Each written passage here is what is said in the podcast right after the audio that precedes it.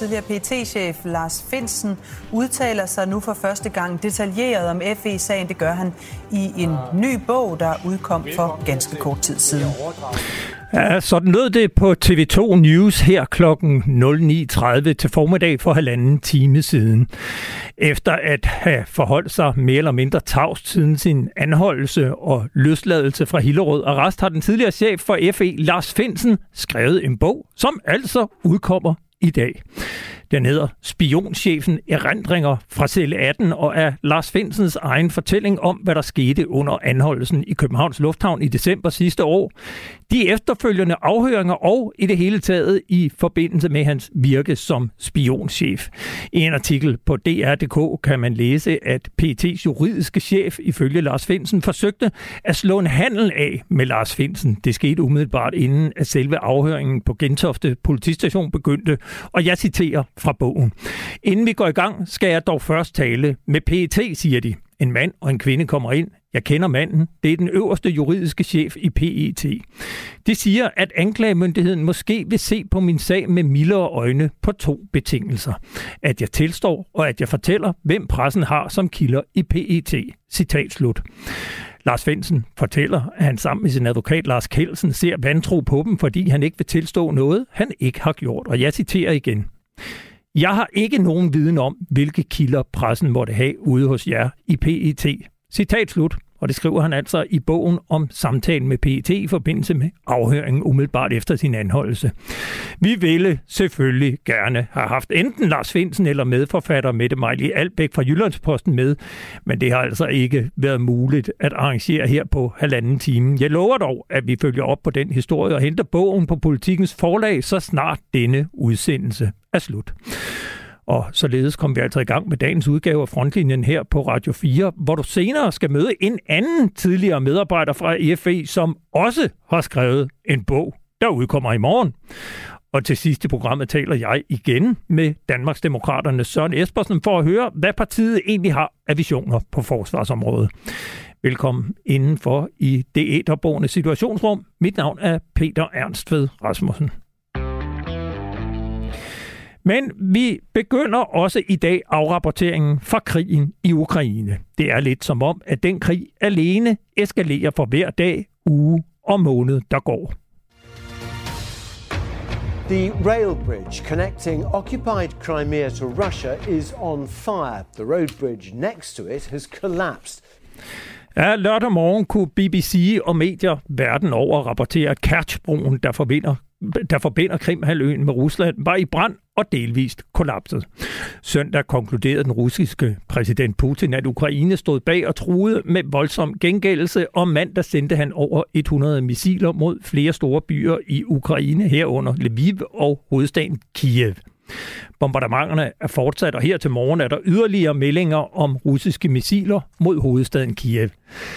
Ifølge de ukrainske myndigheder er 11 omkommet i angrebene de seneste dage, og over 100 personer er meldt såret. Missilangrebet mod Kiev var det første i flere måneder, og er af mange blevet betragtet som en eskalation af krigen. For at få et mere international vy på og vurdering af den seneste udvikling i Ukraine, ringede min kollega Niklas Erbelordein til Keir Giles, som er Senior Consultant Fellow i den britiske tænketank Chatham House i London, hvor han er ekspert i Rusland. Min kollega spurgte Keir Giles, hvor sikre vi kan være på, at det nu også er Ukraine, som står bag sabotagen.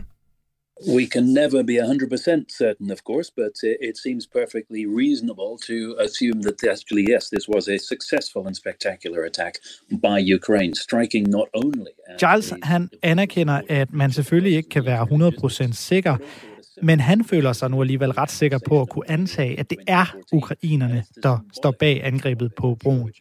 Det rammer ikke bare et vitalt knudepunkt for Rusland, men angrebet rammer også en meget klar symbolik, fordi broen naturligvis symboliserer Ruslands annektering af Krimhaløen i 2014. Det er, siger Giles, nok særligt den symbolske værdi, der har provokeret i Rusland. Men vi skal også huske på, at Putin har anklaget Ukraine for en lang række andre angreb, så måske eskaleringen ligefrem var planlagt, inden man kendte til angrebet på Kertsbroen. Slutligt skal det med i bevæggrundene for eskaleringen, at Putin har et publikum hjemme i Rusland, som han skal henvende sig til og vise, at han altså fører an. within Russia itself in Kursk. So all of these different things could have served as rationales for President Putin to mount these attacks long before they knew that the attack on the Kerch Bridge was going to take place. Plus, of course, we have to bear in mind that President Putin has a domestic audience to play to as well. Dissatisfaction over the course of the war, the growing realization that Russia was not, in fact, winning the war, and calls for escalation are all different factors that President Putin has to juggle and to manage in order to keep his own team on side. And that in itself is a strategic priority for Russia. Jeg spørger så Kia Giles, hvad de her begivenheder betyder for krigen fremadrettet. There isn't really any new element in what Russia has done. Uh, we've forgotten, of course, that in the early weeks of the war, as soon as it became clear that Russia was not winning on the battlefield, it pivoted to means of causing death and destruction and misery. Der er ikke noget nyt i det, som Rusland har gjort, vil Kia Giles gerne minde om. Allerede tidligt i krigen, og så snart det stod klar, at Rusland ikke var i gang med en nem sejr, ja, der tydede de til død og ødelæggelse. Det, der er nyt nu, er en ondsindet trodsreaktion. Tilgangen fra Rusland synes at være, at kan de ikke få Ukraine, ja, så er der til sydenlande ingen, der må få landet hverken Vesten eller Ukraines eget folk. Russerne vil bombe Ukraine og ødelægge deres økonomi, simpelthen fordi de kan, og det er lige præcis det, vi har at gøre med lige nu, uden andet formål end at nægte folket et ordentligt liv, siger Kir Giles. content to do damage and cause death and destruction for no particular purpose other than denying other people a decent life. Et spørgsmål, der konstant melder sig, når russerne de eskalerer krigen, det er jo selvfølgelig muligheden for atomvåben. Så det spørger jeg selvfølgelig også Giles ind til. There have been a lot of fears about Russia resorting to nuclear weapons to make its point. I think those fears are misplaced. And they come as a result of paying too much attention, again, to what Russia says and too little to what it actually does. There's been a long standing and intensive campaign by Russia's Constellation. Okay, Giles han mener, at frygten for russiske atomvåben lige nu er malplaceret. Frygten den kommer, fordi man lytter for meget til, hvad Rusland siger, og for lidt til, hvad de rent faktisk gør. Rusland har brugt en masse propagandavirksomhed på at sprede en antagelse i Vesten om, at hvis Rusland ikke får det, som Rusland har planlagt, ja, så kan de altså finde på at smide atomvåben. Den kampagne har været succesfuld, fordi det til har afholdt nogle lande fra at støtte Ukraine fuldt ud. Og hvis de rent faktisk skulle bruge atomvåben, ja, så skulle det have et formål, der til gode ser Rusland. Militært eller strategisk, men det er altså ikke tilfældet lige nu. Rusland har, siger Kier Giles, ikke taget nogen reelle skridt mod at bruge atomvåben. I stedet har de flere andre måder, hvorpå de stadig kan eskalere yderligere. De kan forsøge at få befolkningen i andre lande til at lægge et pres på deres respektive regeringer om at holde igen med at støtte Ukraine. Vi har endnu ikke set en russisk eskalering i form af angreb på tværs af kontinentet. Under den kolde krig, siger Charles, der brugte Rusland for eksempel ekstremistiske grupper til at bringe ødelæggelse og kaos på tværs over Europa.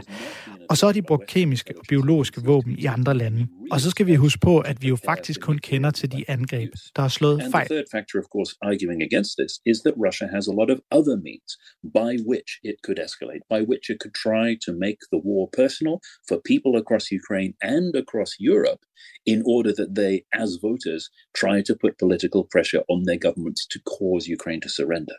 We haven't yet seen a major stepping up of Russian attacks across the continent of Europe. We have seen in the past when there were, during the Cold War, for example, active Russian sponsorship and facilitation of violent extremist and terrorist movements to wreak havoc across Europe. We have seen other means of uh, attack already used in the period since 2014 sabotage with explosives, attacks with chemical weapons, radiological weapons, at the very least in Bulgaria and the UK. And of course, let's not forget the only attacks we know about are the ones that are detected because they fail. So there is a long standing practice for Russia to carry out direct attacks against the populations of countries in Europe beyond Ukraine. And we should see that being stepped up as a step that is taken long before any consideration of use of nuclear weapons by Russia. Jeg hiver fat i det her med kemiske våben, for man kan både snakke om atomvåben, men også biologiske og kemiske våben. Og hvad er chancen for russiske angreb, hvis man puljer alle dem her sammen? We shouldn't forget that uh, Russia has a pretty broad menu of different nasty things that it can do to people across Europe. And when we ask how far away from uh, each of these different options we are, we need to actually break it down into what the choices might be for Russia. Vi bør ikke glemme, at Rusland har en ret stor menu bestående af, hvad de kan gøre mod resten af Europa, siger Kier Giles. Men vi er altså meget langt væk fra, at Rusland vil bruge atomvåben. Men snakker vi kemiske eller biologiske våben mod europæiske byer, så skal man ikke glemme, at Rusland som sagt allerede har gjort det her. Derfor skal vi ikke være overrasket, hvis vi ser mere af det. For tænk på, hvor meget af England, der blev sat i værk, da der foregik bare et enkelt lille angreb med Novichok i Salisbury i England i 2018. En række af sådan nogle angreb vil kunne svække en vestlig stat, der måske ikke er rustet til det, og det er det, vi skal holde øje med nu. Rusland er nemlig ligeglad med konsekvenserne. Multiple concurrent ones would absolutely cripple a Western state that was not prepared to deal with it. And that is where we should be looking to step up the defenses of European societies and of individuals, because there's no doubt that Russia now it has launched itself down this track of being a rogue state which cares absolutely nothing for the consequences of its actions, would not hesitate to do this if it saw some kind of political or strategic benefit in doing so. Til slut spørger jeg så Kit Giles om, hvorvidt han tror, at Ukraine kan finde på at trække sig tilbage som følge af den her russiske eskalering, vi har set for nylig. Certainly, Russia would hope um, that a side effect of this salvo of missiles would be to cause Ukraine to back down. But the primary uh, motivation seems to be to actually cause damage and misery within Ukraine itself. Now, the campaign of... Rusland håber selvfølgelig, at Ukraine trækker sig tilbage som en konsekvens af Ruslands afføring af missiler, men det er faktisk ikke den primære grund til eskalering, siger Kurt Giles. Det er snarere at skabe skade og lidelse i Ukraine. Missilangrebene er ikke kun rettet mod byer og befolkningstætte områder. Det er godt nok derfra, at vi ser billeder og videoer, men målet har også været at ramme Ukraines kritiske infrastruktur. Sådan har det været længe, men på det område har Rusland skiftet gear, siger altså Ruslands ekspert Kier Giles fra den britiske tænketank med fokus på internationale anlægner, Chatham House. Rather than controlling or winning Ukraine, the aim is simply to destroy it. Ja, Rusland vil ifølge Kurt Giles simpelthen smadre Ukraine, og ikke mindst Ukraines økonomi, om ikke andet så alene for det formål, at ingen ukrainere skal have mulighed for at leve et anstændigt liv.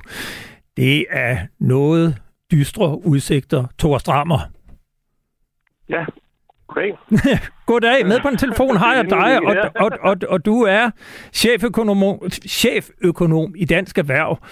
Og i den egenskab, der har du fulgt den økonomiske udvikling i Danmark og internationalt siden krigens begyndelse i Ukraine. Vi hører her, at hvis Rusland ikke har udsigt til at vinde krigen, vil Rusland bare smadre Ukraine, om ikke andet så for at ødelægge landets og dets økonomi. Jeg kunne godt tænke mig sådan indledningsvis, vi, vi skal gennemgå alle de økonomiske aspekter af den her krig, men hvordan går det egentlig, hvis vi ser mere specifikt på Ukraines økonomi? Jamen, altså det, det, det går rigtig, rigtig skidt. Altså hvis vi kigger på øh, de seneste prognoser fra IMF, øh, som også laver øh, enkelte prognoser for Ukraine. Og du skal så, lige forklare IMF. Hvad er det? Den internationale monetære fond, som laver prognoser for øh, verdensøkonomien. Ja. Og øh, de øh, forudser altså, at øh, BNP i Ukraine kan, kan falde med ca. 35 procent i år øh, som følge af øh, invasionen øh, fra Rusland. Øh, og det er jo øh, fald i den økonomiske aktivitet, man naturligvis kun ser i forbindelse med, med, med store krige. Mm. Øh, så det her det er noget, der rammer ekstremt øh, hårdt øh, og, og, og gør stor ja, menneskelig og økonomisk øh, skade. Og, og, øhm, hvad så, hvis vi kigger på den anden part? Hvordan ser det ud i Rusland? Jamen altså, Rusland er jo også ramt, men, øh, men ikke lige så hårdt. Øh, man kan sige, at øh, de her sanktioner, øh, som Rusland blev ramt af, øh, det er selvfølgelig noget, der, der, har, der har ramt øh, den økonomiske aktivitet hårdt, særligt i starten af året, hvor, hvor der er tegn på, at økonomisk aktivitet er faldet med, med cirka 20 procent. Øh, men den russiske økonomi øh, har jo også øh, en, en øh, mulighed for at, øh, at øh, eksportere energi. Øh, Øh, de har et, et relativt øh, stabilt arbejdsmarked, og så har det også den finansielle sektor, som også understøtter øh, økonomien. Så hvis man ser sådan samlet set på det, så, den, så, så bliver så er den russiske økonomi hårdt ramt, men, men, men, men prognoserne peger på et, et fald i økonomisk aktivitet på cirka 3,5 procent i, i, i år, og måske 2,5 næste år. Så, så, så slet ikke samme øh, øh, mm. tydelige øh, økonomiske nedslag, som vi ser i Ukraine. Krigen har jo allerede haft omfattende økonomiske konsekvenser, som rækker langt ud over de militære, forsvars- og sikkerhedspolitiske. Øh, altså krigen afsted kom indledningsvis en fødevarekrise, fordi Ukraine som verdens største kornproducent ikke kunne sælge sit korn.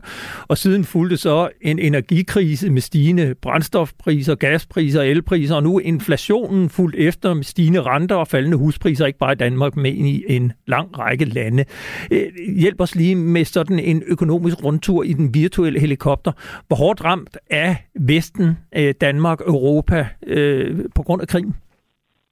Jamen altså, først og fremmest så giver det jo usikkerhed. Og vi kan jo se, at, øh, at de her billeder af krig i Europa, den usikkerhed, det giver det i sig selv noget, der er, er dårligt for den økonomiske aktivitet. Men der, hvor vi bliver ramt hårdest, det er det her energiprischok, øh, som har ramt det europæiske kontinent øh, som en, en hammer. Øh, vi har set gas- og elpriserne er eksploderet nærmest hen over øh, efteråret, så har der godt nok været en lidt mere rolig periode her på det seneste. Men det er altså noget, der, der i høj grad har ramt det europæiske kontinent ekstremt hårdt. Vi har en inflation nu herhjemme på 10 procent. Det er også 10 procent i Tyskland. En lang række østeuropæiske lande har inflationsrater på den forkerte side 10 procent, faktisk op mod 25 procent. Kigger vi mod Holland, så har man i øjeblikket en inflation på, på omkring 17,5 procent. Det er inflationsrater, som vi i vores vildeste fantasi faktisk ikke troede, vi kom til at se igen, og som vi ikke har set siden øh, øh, de tidligere oliekriser i 70'erne og, og, og, og de krige, der har været i forbindelse med Koreakrigen og 2. verdenskrig. Så det er meget, meget exceptionelt, det vi ser i øjeblikket. Og det har selvfølgelig store konsekvenser. Det udhuler øh, husholdningernes købekraft øh, i nærmest uset øh, omfang. Det øger virksomhedernes omkostninger øh, helt ekstremt øh, til energi, råvarer, øh, og dermed er det også noget, der kommer til at øh, udløse et færdigt privatforbruget og formentlig også flere øh, transaktioner og konkurser. Hvad er udsigten her? Hvor, hvor længe kigger vi ind i sådan en nedtur? Ja, men det er, det er meget usikkert. Øhm, men tager vi på noserne igen, så er der jo et, en forhåbning om, at, øh, at øh, vi kigger ind i en, en lavvækstperiode her i, dansk økonomi med, med svagt negativt øh, vækst over de kommende år, så kan vi igen ind i i 2024-25 begynde at se noget, noget stigende aktivitet. Øh, men det øh, står jo og falder på en lang række øh, antagelser om, at at krigen i Ukraine den ikke øh, udvikler sig øh, drastisk i en forkert retning, at øh, at de her renteforhøjelser, som øh, den amerikanske centralbank og den europæiske centralbank gennemfører i øjeblikket, de øh, bliver velkalibreret, altså de ikke skyder økonomien ud i, i en ny stor øh, nedtur. Og så øh, herhjemme hviler den jo også på, at vi ikke får sådan en, en slem løn- og prisspiral, øh, hvor, hvor lønningerne herhjemme for alvor begynder at stikke af, og det kan være med til at øh, forringe vores konkurrenceevne. Så der er, der er mm. rigtig mange, rigtig mange øh, hvad skal man sige, øh, risici til de økonomiske udsigter i øjeblikket, og de peger desværre... Prøv lige at øh, trække os lidt længere væk fra Danmark. Øh, øh, vi har ikke så lang tid, men jeg kunne godt tænke mig, at du lige sætter et par ord på, hvor hårdt ramt er et land som USA, og hvor hårdt ramt er i virkeligheden lande som Kina og Indien, altså, øh, og, og kan man forestille sig, at de går ind, øh, fordi deres økonomier også bliver ramt og begynder at lægge pres på Rusland på at få stoppet det her? Jamen altså, den amerikanske økonomi er jo lidt en historie for sig selv. Øh, den har øh, oplevet en ekstremt stærk øh, beskæftigelsesvækst og, og mangel på arbejdskraft og en efterspørgsel, der ligger på meget høje niveauer, som har, har løftet både lønvæksten og inflationen op i øh, nogle niveauer, som man også skal helt tilbage til, til midten af 80'erne for at finde. Og det øh, gør jo, at den amerikanske centralbank virkelig er for min kom, de kom for sent ud af hullerne, og nu skal de virkelig til at bekæmpe den her høje inflation, og det gør det ved at hæve renterne ganske eftertrykkeligt. Og det gør også, at, øh, at, øh, at renterne både i USA, men også herhjemme, når vi kigger på lange renter, er steget ekstremt meget. Men de er ikke i samme omfang direkte påvirket af krigen i Ukraine fra, fra energipriserne, øh, som jeg er her i Europa. Der, der har de ligesom deres egen, deres egen lille, øh, deres egen problemer at, at kæmpe med, som så også er høj inflation og høje renter. Kigger vi på Kina, øh, jamen så er historien jo også den, at de er mere perfekt påvirket af krigen i Ukraine, men til gengæld så er de så påvirket af, at at de har en, en, en, en, en nul-tolerance over for øh, covid-19, og det har altså ført til øh, betydelige nedlukninger, som, som udfordrer øh, den økonomiske stabilitet i Kina. Og så har de også en, en byggesektor og et banksystem, som, som er meget sårbart i øjeblikket efter en periode med, med kraftig kreditvækster og store prisstigninger på, på boligmarkedet og høj byggeaktivitet. Og det er altså noget, der, der, der også giver noget usikkerhed i, i verdensøkonomien øh, på, på et tidspunkt med krig i Ukraine meget, meget spændende, men også dystre udsigter. Øh, det var interessant lige at få en, øh, en, en kort overflyvning af økonomien. Jeg vil sige tak til dig, Thor Strammer. Du er altså chef økonomi... Jeg kluder i det hver gang. Chef økonom i Dansk Erhverv. Tak fordi du var med. Ja, selv tak. Du lytter til Frontlinjen på Radio 4 med Peter Ernstved Rasmussen. I sidste uge havde vi besøg af journalist og forfatter Hans Davidsen Nielsen, som netop har udgivet bogen Spion blandt venner om baggrunden og hele historien for den efterhånden meget omtalte FE-sag, hvor den tidligere chef for FE, Lars Finsen, nu er tiltalt for at have røbet statshemmeligheder over for fremmede magter. Og som du lige hørte i indledningen, har Lars Finsen i dag udgivet sin egen bog på Politikens forlag med titlen Spionchefen erindringer fra celle 18. Vi har bedt om at få et interview med Lars Finsen eller med Mette Mejlige Albæk, som har skrevet bogen med Lars Finsen. Men det har altså ikke været muligt på så kort tid. Og så er det jo godt, at vi har forfatteren til en helt tredje bog om FE i studiet. Den er skrevet af dig, Jakob Korsbro. Velkommen til. Jo, mange tak. Og det er den, ja. det virker som en helt tsunami af bøger om Danmarks hemmelige militære efterretningstjeneste. Fortæl mig lige først, hvorfor skal vi læse en bog om dine 15 år i FE? Og jeg kan lige øh, nævne i hvert fald, den hedder I statens hemmelige tjeneste og udkommer i morgen. Jamen, det er egentlig først og fremmest for at give øh, dem, der er interesseret, et indblik i, hvad meningen er med det hele. Fordi øh, jeg synes, efter alle de sager og alle de, øh, hvad kan man sige, al den uro, der har været, at øh, der vil jeg gerne prøve at give et øh, bidrag til, at øh, der foregår en masse vigtigt arbejde inde bag øh, de tykke mure. Og, øh, og det skal der ro omkring, øh, og det er vigtigt arbejde, og det er en, det var en tjeneste i en, øh, i en rivende udvikling gennem, øh, gennem mange år, og, og det spor øh, skal, vi, skal vi tilbage til for vores egen sikkerheds skyld. Du, øh, øh Jan, fornemmer det nærmest som lidt, at du også skriver den lidt som en hyldest til, til FE. Du nævner alle de negative sager, og, og man vil også gerne høre noget positivt, og det, det er faktisk din intention. Men, men du siger også nu, at, øh, at der har været meget uro. Skaber det ro at udkomme med en bog om FE?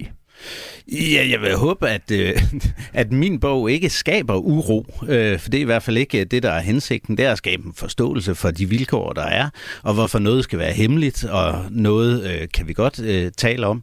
Og man kan sige, at alt den her øh, politiske virak, øh, der har været, det, det er meget uheldigt. Det skal der, det skal der ro på, og øh, jeg prøver at, at, at lette låget forsigtigt for at, at give øh, læserne et indblik i, jamen, hvordan er det egentlig arbejdet foregår? Hvordan er det, det giver mening? Hvad er det, der er spændviden i, i det, som FE egentlig laver? Fortæl lige, hvordan har FE reageret på, at du udgiver en bog om tjenesten? Jamen, altså nu, nu, nu kan man sige, at de kommer nok aldrig ud og, og hylder øh, øh, en bog, der nævner øh, tjenesten øh, med ord. Jeg, jeg kender jo en del derinde, har mange tidligere medarbejdere og kolleger, øh, og jeg vil da tro, når jeg kender øh, hvad kan man sige, kulturen i tjenesten, at det er nogenlunde delt, at øh, der er mange, der mener, det, det er godt at få, øh, hvad kan man sige, en nuanceret, lødig, positiv øh, fortælling om, om tjenesten, og så er der rigtig mange, der tror jeg også, der synes, øh, det er da godt nok øh, belastende, at øh, der nu skal være en bog mere, og jo mindre der bliver fortalt, jo bedre er det. Altså, det, sådan er der også øh, nogen, der ser på det, men øh, jeg prøver i hvert fald at give et nuanceret bidrag. Jeg taler fra tid til anden med personer, som enten arbejder eller har arbejdet i FI, og det gør rent faktisk også i går, min kilde fortalte, at et arbejde i FI betyder, at man ikke har nogen at dele sine sejre med, andre end sine kolleger. Hverken koner, kærester eller børn kan man indvige i sit arbejde, hvor gerne man el ville. Og hvis man har et behov for at fortælle om sit arbejde, så skal man bare ikke arbejde i FE længere, er den ikke. Set i det lys, så tillader mig at spørge dig, om du var fejlkastet til FE, når du fire år efter at have forladt tjenesten udgiver en bog med detaljer om dit forhenværende arbejde. Nej, det, det mener jeg ikke. Altså, jeg, jeg, vil, jeg vil sige det sådan, meget, meget kan man fortælle, øh, og meget er det egentlig gavnligt at fortælle, men der er også mange, der mener, der skal fortælles absolut intet. Øh, jeg ved, øh, at det, det er jo vigtigt at finde balancen mellem, hvad er det super nødvendigt, at der ikke bliver talt om, øh, og det er grunden til, at jeg ikke nævner et eneste internationalt forhold, for eksempel. Øh, og øh, og det, det, det kan virke underligt på mange. Øh, hvorfor, når vi nu ved sådan og sådan, jamen det er meget muligt, men øh, det kommer jeg aldrig til at botanisere i. Men derimod synes jeg, at det er gavnligt, at der bliver fortalt fortalt nogle historier, som er, som er positive. Og du skal ikke høre kritik fra en journalist for, at vi får en lille bitte smule mere åbenhed om, hvad FE rent faktisk laver, og, og hvordan tjenesten øh, arbejder. Inden vi skal tale om indholdet, så skal jeg faktisk have opklaret en sag, fordi du har jo optrådt i adskillige medier øh, her i løbet af det seneste år, både som, øh, som øh, altså ekspert på Afghanistan, men også her i forbindelse med hele det her FE. Mhm. Og i forbindelse med udgivelsen, der følger der sådan et, øh, en, en lille notits med fra din udgiver til, til bogen, og der skriver øh, Olaf Skåning Andersen, at øh, du var analytiker og senere chef i Forsvarets efterretningstjeneste. Og så tænker jeg lidt, det er ikke helt det, der fremgår. Altså, hvilken stilling var du, du havde, og hvor højt placeret var du egentlig i FE? Jamen, det, det tror jeg da nok fremgår rimelig klart. Altså, jeg, jeg var øh, øh, analytiker en del år, så blev jeg udnævnt til chef for Mellemøst-analyse, øh, og, og egentlig også, vi dækkede også det afrikanske område, de her piratsager og så videre, som også er, er omtalt i, øh, i bogen. Det var jeg chef for en hel del år. Så blev jeg øh, sektionschef og souschef for hele øh, kontraterrorområdet. Øh, og, og, hvis man lige sammenligner det med, øh, med hvis man er civiliansat i Udenrigsministeriet, hvad, hvad er man så? Kontorchef, fuldmægtig, eller hvad? hvad altså mere, mere for, for ja, at forstå, hvilket niveau en, du er på. Enhederne i FE er typisk noget øh, større end et kontor i, i Udenrigsministeriet. Så det at være sektionschef i, i øh, FE, så har du typ, typisk et bredere spænd end, end, øh, end en kontorchef i Udenrigsministeriet. Men så er der jo afdelingschefer så, ovenpå. Okay, og, så, og, så du var under afdelingschefniveau? Ja, på niveau med kontorchef, eller refereret ja, til kontorchef? noget i den retning. Oh, okay, så det, det er godt lige at vide i hvert fald. Kald det øh, bare mellemleder, det er fint. øh, øhm, nu skal jeg lige ned til, til, øh, til det her. I, i, I den aktuelle FI-sag med Lars Finsen, der lyder en af mistankerne om, hvordan man har kunne køre helt af sporet, at det netop skyldes, at FI er blevet politiseret og at man fra FE's side vil strække sig langt for at give de svar, som den siddende regering ønsker, i stedet for at levere den skinbarlige sandhed skrevet i et klart sprog. Du skriver i bogen her, at mens du er souschef i det, der hedder terroranalyse, der får FE en ny chef, som er Thomas Arnkiel og han er i øvrigt så den første civile chef for FE og bliver sidenhen departementchef i Forsvarsministeriet. Du skriver, at han er et talent i det politiske maskinrum og orienterer sig efter politikernes retorik. Og nu citerer jeg. Det er et tydeligt skifte. Jeg oplever det første gang, mens vi i kontraterror bidrager til den årlige vurdering af den globale terrortrussel, den såkaldte risikovurdering i efteråret 2011. Det er vores vurdering af terrortruslen vil stige, men den vurdering får en hård medfart af Thomas Arnkiel, som ikke vil have, at vi skriver direkte, at terrortruslen vil stige. Vi bliver flere gange spurgt af Thomas Arnkiel, hvordan vi kan nå frem til de konklusioner, når nu skiftende regeringer har investeret så meget i terrorbekæmpelse, og Osama Bin Laden er blevet dræbt. Er vi ikke alt for dystre i vores vurdering af terrortruslen? Spørgsmålstegn. Jeg har aldrig før oplevet den slags spørgsmål fra en chef i FE. Hvad er det, der sker, da Thomas Arnkiel bliver chef i FE? Jo, men altså, det, det er jo et kulturskifte. Der havde indtil da altid været en, øh, en øh, general eller admiral øh, som, øh, som enheden, eller som, som chef for, for tjenesten.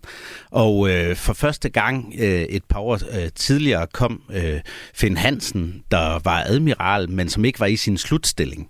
Det, der havde været meningen fra gammel tid, det var, at øh, for at undgå øh, netop politisk påvirkning på efterretningstjenesten, så havde man en general eller admiral på deres slutstilling. Med Finn Hansen øh, blev der så blødt op for det, og siden kom så øh, Thomas Arnkiel ind fra, fra Udenrigsministeriet. Og jeg skal lige forstå, når du siger, at med Finn Hansen bliver der blødt op med det. Hvad betyder det, at man er øh, ikke i sin slutstilling, når man var en militærchef for FE? Altså, man kan sige, det, det var det gamle hensyn, det her med, at det skulle være i slutstillingen for at undgå politisk påvirkning. Jeg har ikke noget sådan... Altså som... simpelthen for, at en, en, der sidder i sin slutstilling, han har nemmere ved at sige, det kan jeg godt glemme. Jeg kan tage et godt eksempel op. Det var den her med, om der var borgerkrig i Irak i sin tid. Og der var FE jo tidligt ude med en konklusion om, at, øh, at det, der foregår nu i, i Irak, det er borgerkrig. Og jeg vil ved med, at der har været hårde diskussioner, og den gode Jørgen Olesen, der var chef dengang, gang øh, har garanteret måtte stå på mål for, for lidt af hvert, fordi det var jo et, et, hvad kan man sige, et billede, som den daværende regering ikke ønskede at, at, at få ud, men det var det var den uomgængelige konklusion. Det var ikke at få ja, ud i man, det Vi kan jo ikke argumentere kontrafaktisk, men, men i og med, at det bliver en embedsmand, der bliver chef for det i, i karrieren, ikke, øh, så, så er der da i hvert fald en risiko for, at den slags politisk følsomme konklusioner, de, øh, Ja, og, og hvad er det så, du siger, der sker, da Thomas Arnkiel kommer ind, og han begynder at gå til med de her spørgsmål, og vil i virkeligheden måske gerne have omformuleret, at terrortruslen ikke er stigende? Altså, man, man kan sige, det, alle de vurderinger, der går ud af det, der er, hvad kan man sige, faktuelt og fuldstændig evidensbaseret, det, det, det skal lytterne ikke være nervøs for, fordi de lå, øh, som de skulle. Og det her er en, en, en fremadskuende vurdering, og det, det kan man sige, det er der jo altid noget luft i. Øh, men, men vi mente, der var så mange ting, der pegede sådan, så man kunne godt komme til den øh, lidt mere, sådan, hvad kan man sige, kortfattede konklusion. Og i stedet for i de risikovurderinger i de år øh, øh 11 og 12, mener jeg det var, ikke? Så, så måtte vi bruge en hel masse ord for at, at, at undgå at sige det der, og man kan sige, at på samme tidspunkt øh, har vi jo Syrien, eller Libyen, øh, hvor, hvor man jo selvfølgelig ikke ville indsætte landtropper fra politiske, politiske Det var det arabiske forår. Ja, det såkaldte arabiske forår, ja. som var nogle ord, vi aldrig tog i vores mund, fordi vi vidste godt, at det ville øh, garanteret øh, medføre et sikkerhedsvakuum. Og der er vi da også blevet øh, punket meget fra, fra kunder i, i Udenrigsministeriet, som mente, vi var alt for dystre. Altså jeg er der blevet kaldt mørkemand mere end en gang. Men, men det har jeg det fint med. Altså vi, vi, vi, vi lavede vores konklusioner, de var solide, og jeg mener egentlig også eftertiden har vist, at øh, vi var ikke helt galt på det hvis man er lidt djævelens advokat, er, er det så ikke også forståeligt, at Thomas Arnkiel som en ny politisk udnævnt uh, chef for FB også går kritisk til dem, der leverer analyserne? Fordi jeg forstår også på dig, at du skriver egentlig, at det er ikke fordi, du egentlig mistænker ham for at uh, politisere voldsomt, men, men alligevel var der tale om skifte. Men, men er det ikke rimeligt nok, at han som chef går ind og forholder sig kritisk til det, som hans analytikere de skriver? Jo, bestemt. Og, og man kan sige, at man kan hurtigt udlægge det som en, en kritik og, og overfald af min tidligere chef, for det er egentlig ikke det, der er meningen. Det er egentlig at få nogle nuancer frem øh, og, og, og have et opmærksomhedspunkt om, at det, det er nødvendigt, at, at, at hvad kan man sige, vi ser til, at, at det ikke bliver politiseret, når der kommer de her politisk kontroversielle øh, øh, konklusioner fra, fra tjenesten. Jeg talte i går også med Steffen Magi, han er journalist, og det er ham, der har været med til at hjælpe dig med at skrive bogen. Han sagde, at du også havde været mere tilbageholdende med at fortælle, end han godt kunne have ønsket sig. Hvor meget har det fyldt, at du ikke ville risikere inde i retten? Jo, altså det har været ligesom en præmis. Altså min præmis har været, vi må ikke fortælle noget, der kan være skadeligt for Danmarks sikkerhed, eller på nogen måde for, for, for tjenesten og tjenestens virke. Øh, og øh, der mener jeg, at, øh, at øh, jeg har fundet en balance, og i og med, at der ikke er nedlagt et fodforbud, så, så tillader jeg mig da at håbe på, at, øh, at det, det også bliver set sådan af, af dem, der kigger nuanceret på det i tjenesten. Det kan være, at man også har lært i FE, at det der med at prøve med fodforbud, det plejer at have den mod modsatte effekt, hvis man ønsker en sag øh, dyset ned. Øh, når du ser på den aktuelle situation og hele sagen med den nu tidligere FE-chef Lars Finsen, så handler meget af debatten jo netop om det her, hvorvidt den er politisk. Og på samme måde fik FE's leder til sidste år kritik, da Vesten forlod Afghanistan, og analyserne og trusselsvurderingerne virkede skrevet uden særlig stor indsigt i, hvad der reelt skete i Afghanistan. Efterfølgende gik FE's ledelse ud og påtog sig ansvaret for de forlagtige analyser og fjernede dermed langt hen ad vejen jo også en masse kritik fra regeringen. Må vi bare konstatere, at FE i dag er en politisk organisation, hvis analyser vi ikke kan stole på, helt i hvert fald, og som vi i stedet skal tage med et grænsalt? Nej, det, det, det er ikke min konklusion. Øh, hvis man kigger... Ja, strammen. ja, journalistisk stramning. Nej, det man, det, det, det man kan sige jo også, hvis vi kigger nuanceret på det, det er altså øh, for eksempel risikovurderingerne omkring Afghanistan øh, var jo egentlig øh, tydelige. Øh, der har været risikovurderinger om de her øh, kvinder og børn i, og i fangelejrene i Syrien, som egentlig også var tydelige. At vi så har, øh, øh, hvad kan man sige, regeringer, som ikke altid lytter til øh, det, der står. Det, det er så noget, vi som vælgere og, og skatteborgere i Danmark nok skal have en snak med vores regering om, at vi gerne vil have, at de egentlig fører udenrigspolitik og, og den slags på basis af, af den viden, som er, som er til stede. Hvis det skal være lidt fræk, vil det så være forkert at sige, at det er den mindst dramatiske og afslørende bog om at arbejde i efterretningstjenester, og man i hvert fald ikke skal forvente at læse nogen ny jægerbog eller spionthriller. Jamen, øh, jeg håber, der er et publikum til at læse en, en seriøs beretning ja. om, hvad, hvad det er for en udvikling, FE gik igennem i alle de år, øh, øh, fordi det var en super spændende, spændende udvikling, og vi havde øh, på mange måder en, en fantastisk efterretningstjeneste. Og det håber jeg også, at vi får, når, når alt det her støv øh, har lagt sig, og, øh, og vi forhåbentlig får, får ro omkring, øh, omkring tjenestens arbejde. Jeg vil sige tak til dig, Jakob Korsbo, Senior, senior analytiker ved Tænketanken Europa, altså forfatter til bogen I statens hemmelige tjeneste om din 15 år i FE, og den er altså skrevet i samarbejde med Steffen Magie og udkommer på forlaget Momenta i morgen. Tak fordi du kom. I dag. Og i dag også. Det er simpelthen, det vælter oven i hinanden med udgivelser i dag. Tak, tak fordi du kom. Selv tak. Du lytter til Frontlinjen på Radio 4 med Peter Ernstved Rasmussen. Vi fortsætter med en historie, som også handler om FE. Så sent som for en uge siden spurgte jeg Søren Espersen fra Danmarksdemokraterne, hvorfor vi i Danmark er så lukkede, når det handler om donationer til Ukraine. Her fortæller han, hvad politikerne på Christiansborg har fået at vide, når de har spurgt forsvarsminister Morten Bødskov. Og der er forklaringen jo altså, at øh, det er ikke noget, den ukrainske øh, forsvar ønsker offentliggjort, hvad man har og, og det har været en af forklaringerne. Jeg tror simpelthen, man er nødt til at stole på, at det er, det er korrekt, det der bliver sagt. At øh, det ikke svækker øh, Danmarks øh, sikkerhed, og at ukrainerne øh, specifikt har bedt om, at noget øh, bliver holdt øh, hemmeligt. Vi har doneret våben, ammunition og materiel for snart 4 milliarder kroner til Ukraine, men vi kan ikke få at vide, hvad pengene dækker over. Alle spørgsmål om donationer blev Forsvarsministeriet afvist med en begrundelse om hensynet til operative forhold og rigets sikkerhed. Helt omvendt er det i Norge, hvor det norske forsvarsministerium har sendt os følgende svar på spørgsmål om, hvorfor man på den norske regerings hjemmeside åbent kan læse detaljer om alle norske donationer til Ukraine. Citat. Åbenhed er en grundlæggende værdi i vores demokrati. Det forsøger vi at varetage ved at være så åbne, som vi kan, samtidig med, at vi tager hensyn til sikkerheden.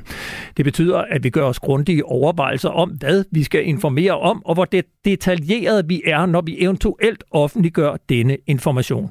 Vi har for eksempel ventet med at informere om donationer af militært materiel, til det er kommet frem til Ukraine.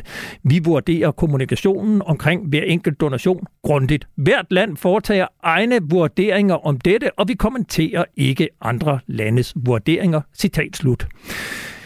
Vi har på trods af lukketheden, både her i frontlinjen og på det forsvarspolitiske netmedie Olfi, løbende fortalt historier om, hvad Danmark har leveret. Historierne har bygget på anonyme kilder og handlet blandt andet om, at Danmark leverer pansrede mandskabsvogne, tunge morterer, droner og ikke mindst skandaleramte mobile værkstedsflatracks til Ukraine. Nu viser det sig, at de historier er taget særdeles ilde op af Danmarks militære ledelse, som har bedt FE, altså Forsvarets efterretningstjeneste, undersøge lækagerne til pressen. Det viser en aktindsigt, som jeg har søgt hos Forsvarskommandoen, og som vi skrev om tirsdag på Olfi. Jeg har i løbet af de seneste måneder talt med kilde, kilder, som er klappet fuldstændig i, fordi forsvarschef Flemming Lentfor over for forsvarets chefer har indskærpet, at lækager vil blive overdraget til undersøgelse af FE. Nu tænker du måske, at det lyder som noget, du lige har hørt om et andet sted. Og helt korrekt havde vi i sidste uge besøg en journalist, som har været og måske bliver overvåget af FE. Jeg tror ikke, at jeg selv bliver overvåget af FE, men det har journalist Hans Davidsen Nielsen været i forbindelse med den aktuelle FE-sag. Det er en farlig udvikling, og mandag fortalte Hans Davidsen Nielsen i DR's podcast Genstart, hvorfor sagen er vigtig at få frem, selvom FE har bedt pressen om at stikke pipen ind. Det handler blandt andet om den frie presses mulighed for at arbejde og få fortrolige kilder i tale. Grunden til, at den her sag er så vigtig at få afdækket og få frem, det er, fordi jeg synes, den ligesom rejser det spørgsmål, der handler om, hvad er det for et Danmark, vi gerne vil leve i? Det her med for eksempel, at journalister kan blive overvåget i forbindelse med deres arbejde, er det sådan et land? Fordi det er nyt for mig. Øh, det er muligt, at jeg bare har været naiv, og det er foregået hele tiden, men det er nyt for mig. Og det synes jeg er en virkelig, virkelig vigtig sag at rejse og diskutere, om det er sådan noget, vi synes skal finde sted i Danmark. Vi kan i hvert fald konstatere, at FE har haft travlt med at undersøge pressen, og nu også sender chokbølger gennem forsvaret, fordi nogle kilder har fortalt om donationer til Ukraine, som i vores nabolande ligger frit tilgængelige på regeringernes hjemmesider. Så meget for åbenheden i den danske statsadministration. Her til sidst genoptager vi vores lille temaserie om de politiske partiers krav, ønsker og visioner for det danske forsvar i forbindelse med indgåelsen af et nyt forsvarsforlig. Siden sidst har statsminister Mette Frederiksen udskrevet folketingsvalg til afholdelse den 1. november.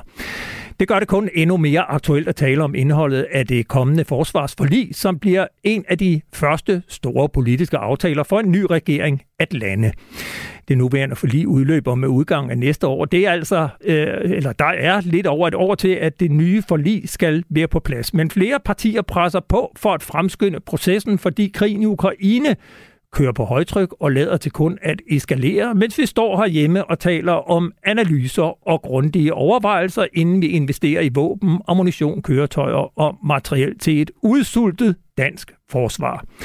I sidste uge talte vi med Søren Espersen fra Danmarks Demokraterne om donationer til Ukraine, og nu har vi det altså med igen. Velkommen til, Søren Espersen. Donationer til Ukraine, og nu altså med igen. Velkommen til, Søren Espersen. Jo, tak skal du have.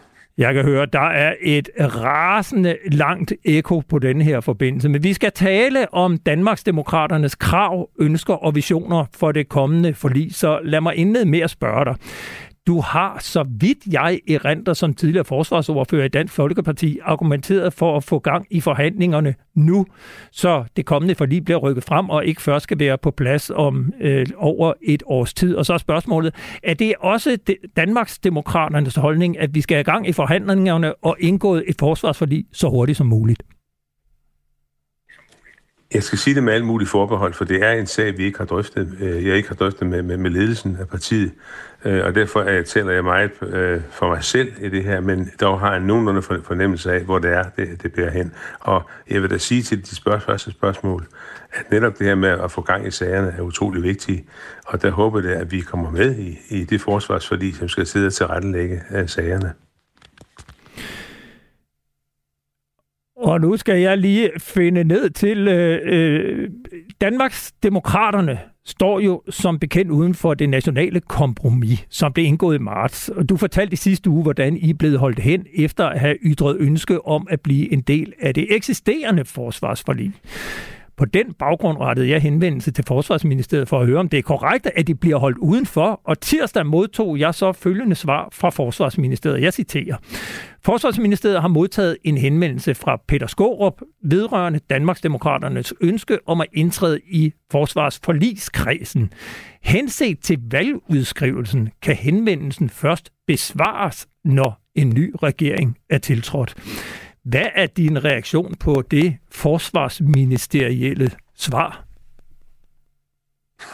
Ja, jeg er jo ikke tilfreds med det. Jeg synes, at altså, Danmarksdemokraterne er jo i høj grad blevet til af specielt tre partier, nemlig Venstre, øh, det konservative Folkeparti og Dansk Folkeparti. Det vil sige, de folk, der har været der før, er, har vist, er og har vist sig som særdeles forsvarsvenlige øh, folk. Jeg har en mistanke om, at det her har at gøre med det nationale kompromis, hvor netop SF øh, jo altså er, er med i forligskredsen, hvad det ikke normalt er. Og hvad der er lavet af handler øh, i den forbindelse, det ved jeg ikke, men jeg er skuffet over den måde, øh, regeringen øh, ordner det her på. Det er normalt sådan, at man uden store gnidninger kan tiltræde et, et forlig. Det vi, vi også har gjort i det tilfælde her, hvor jo det i høj grad drejer sig om Danmarks øh, til, øh, tilslutning til EU og EU's forbe, forsvarsforbehold, øh, hvor, hvor vi jo så umiddelbart her, øh, vi er nødt til at acceptere det, og det gør vi så selvfølgelig. Men jeg synes, det er en underlig øh, forestilling, og jeg kan ikke forstå, hvad det skal til for. Den 6. marts indgik regeringen, som du nævnte, det såkaldte nationale kompromis med radikale SF, konservative og Venstre. Og det er altså et, et kompromis, som har besluttet, at vi inden udgangen af 2033 skal bringe forsvarsbudgettet op på 2% af bruttonationalproduktet. Det åbner jo nye muligheder for at styrke det danske forsvar. Så lad mig kaste os ind i kampen her omkring, hvad der skal ske med det kommende forsvarsforlig. Hvad er Danmarksdemokraternes vigtigste krav og ønsker til det kommende forsvarsforlig? Ja, hvis jeg må, må nævne en, en, en fire ting, som er væsentlige, øh, tror jeg bliver væsentlige for os, så er det sådan grundlag for det hele, flere værnepligtige øh, og længere tjenestetid. Altså måske i øh, et indtag på 15.000 eller sådan noget i, i forhold til de fem, der er nu, og så en længere tjenestetid på 8-10 måneder, øh, sådan at det, man også rent faktisk kan blive uddannet til soldat. Øh, det kræver flere kaserner, øh, og måske også genåbning af nogen. Det kunne være Odense, Næstved, Sønderborg, måske en forstærkelse på Bornholm. Øh, Ubådsskaderen er noget, som vi lægger vægt på. Øh, det var en stor fejl at afvikle den skader en gang i begyndelsen af, af nullerne. Øh, og det, vi skal have det igen som selvfølgelighed. Øh, det er en lang proces, øh, også meget, meget dyrt øh, våben at indkøbe, men der burde være muligheder for det.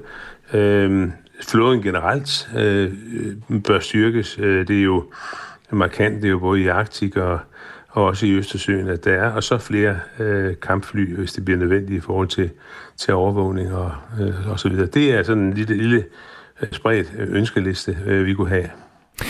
Meget debatten her siden det nationale kompromis har jo handlet om øh, den her forøgelse af forsvarsbudgetterne frem mod 2033, altså hvor vi taler en øh, mere end 11-årig horisont. Og målet er jo bare, at vi i løbet af de her 11 år skal nå op på 2% af BNP, så kunne jeg jo godt tænke mig at spørge dig, hvor hurtigt skal vi i gang? Altså det eksisterende forsvarsforlig havde jo den her meget omtalte hockeystav, hvor øh, tilførselen af midler først kom de seneste to, i de sidste to år, det vil sige i år og næste år. Men det har jo også vist sig, at de midler, der bliver tilført, de er jo brændt af nærmest inden vi overhovedet har nået at sige forlig. Så hvis jeg spørger dig som forsvarsordfører for Danmarksdemokraterne, hvor meget skal man så tilføre tilføre forsvaret med det samme, og hvor hurtigt skal den stigning så ske op imod de 2 procent? Jamen altså, det, øh, det kan jeg jo ikke svare på. Jeg synes, det gælder om at få i hvert fald fyldt lagrene op øh, hvad der nu har været i forhold til Ukraine for eksempel. Det er det vigtigste, og det kan gøres temmelig øh, udramatisk, tror jeg. Og så selvfølgelig en igangsætning af nogle ting, som vi notorisk ved tager rigtig mange, lang, lang tid at løse. Og der nævnte jeg for eksempel ubådseskaderen, som med de der måske fire ubåde. Det, det er planlægningen, der virkelig tager tid. Øh, så lidt af hvert, altså, jeg kan jo sige, øh, få fyldt op i der, hvor det der mangles lige nu, øh, og, og så se, øh, komme i gang med de store, øh, langtrækkende projekter frem mod øh, 2030. Gennem de seneste 20-30 år har forsvaret jo været gennem en lang række besparelser, og i dag har vi sådan et noget udfordret forsvar, som ikke længere råder over en lang række kapaciteter. Du nævner selv ubådene. Og senest har netop sabotagen i Østersøen jo sat fokus på, at vi ikke aner, hvad der foregår under vandet i de danske forsvar. Øh, eller i, i, de, i de danske farvande. Du nævner, at øh, ubåde står højt på Danmarksdemokraternes ønskeseddel. Det hører med til historien Du er selv tidligere ubådsmand. Det, øh, det, det, det kvalificerer dig i hvert fald til at tale mere om ubåde. Men mener Danmarksdemokraterne også, at forsvaret skal have tilført nye kapaciteter, eller skal vi i stedet styrke dem, som vi har? Altså, du nævner også selv F-35, men, men er der andre øh, kapaciteter, du gerne ser, at forsvaret bliver udstyret med? Jamen altså, artilleri, tror jeg, er, er nævnt i øvrigt, var jeg ikke selv i ubåd. Jeg skal lige tilføje, at jeg var i ubåds moderskib, så jeg ah. holdt mig altså til over, overfladen og gik, gik ikke i dybden. Det har fulgt mig lige siden. Men nej, øh, jeg synes, det, det, det, det er et spørgsmål, der er meget vanskeligt for mig at, at, at besvare. Det, det må jeg sige, for jeg, der venter vi jo selvfølgelig også på de udspil, der kommer fra, fra Forsvarskommandoen, som jeg så håber i høj grad vil, vil tale frit fra leveren. Øh, det er altid, har jeg en fornemmelse af, øh, ikke altid har været tilfældet, fordi man, man på forhånd havde en, en ramme, øh, som øh, Finansministeriet havde udstukket, og der kunne man ikke komme videre. I, i dag, øh, med de der 2% øh, vedtagelse, som vi hylder, der er der mulighed for at komme i gang langt, langt tidligere, fordi det er jo sådan noget, som den forligskredsen har sagt ja til, og som vi også meget gerne tilslutter os. Der er to spørgsmål her, jeg godt kunne tænke mig at nå at runde med dig i løbet af de sidste fem minutter. Og, og det ene, det er øh, det her med omlægningen. Altså i 2004 øh, omlagde man øh, forsvaret til et øh, ekspeditionsforsvar, hvor man nærmest nedlagde territorialforsvaret, hele mobiliseringsforsvaret. Er, er det en løsning på nogle af de udfordringer, vi står med i dag? Altså ser Danmarksdemokraterne gerne, at vi genskaber et territorialforsvar af Danmark, og at vi genindfører en mobiliseringsstyrke, som man kan aktivere, hvis ellers truslen stiger? Helt bestemt, og, og det er jeg også overbevist om, at, at flere andre partier vil være interesseret i. Altså, vi tænker jo fundamentalt fuldstændig anderledes, end vi gjorde. Nu nævnte du selv 2004, hvor det var en helt anden verden, øh, vi, vi levede i. Øh, og netop hvor øh, sådan et ord som territorial forsvar, sådan noget, var sådan et, et fyreord. I dag er det noget, ses det som noget helt naturligt, hvor selvfølgelig også hjemmeværende får en meget, meget væsentlig rolle at spille måske oven i købet bliver kom for det, der får tæten i forhold til at, at køre det her, øh, reservestyrken og så videre. Så, så det er en ny verden, øh, vi er vågnet op til, og det bliver egentlig helt specielt øh, at være deltager i, i forsvarsforligskredsen den her gang, hvor det jo i alle de andre gange, hvor jeg har været med øh, til at lave forlig, jo har været sådan nogle, nogle spareting, og lave, mm. få mm. det der væk også, og få det der væk også, så kan vi spare lidt. Så det, det er en, en ny og spændende opgave at, at, kunne, at kunne lytte til, øh, hvad, først og fremmest hvad Forsvarskommandoen siger, øh, og så tage vores bestik øh, derefter.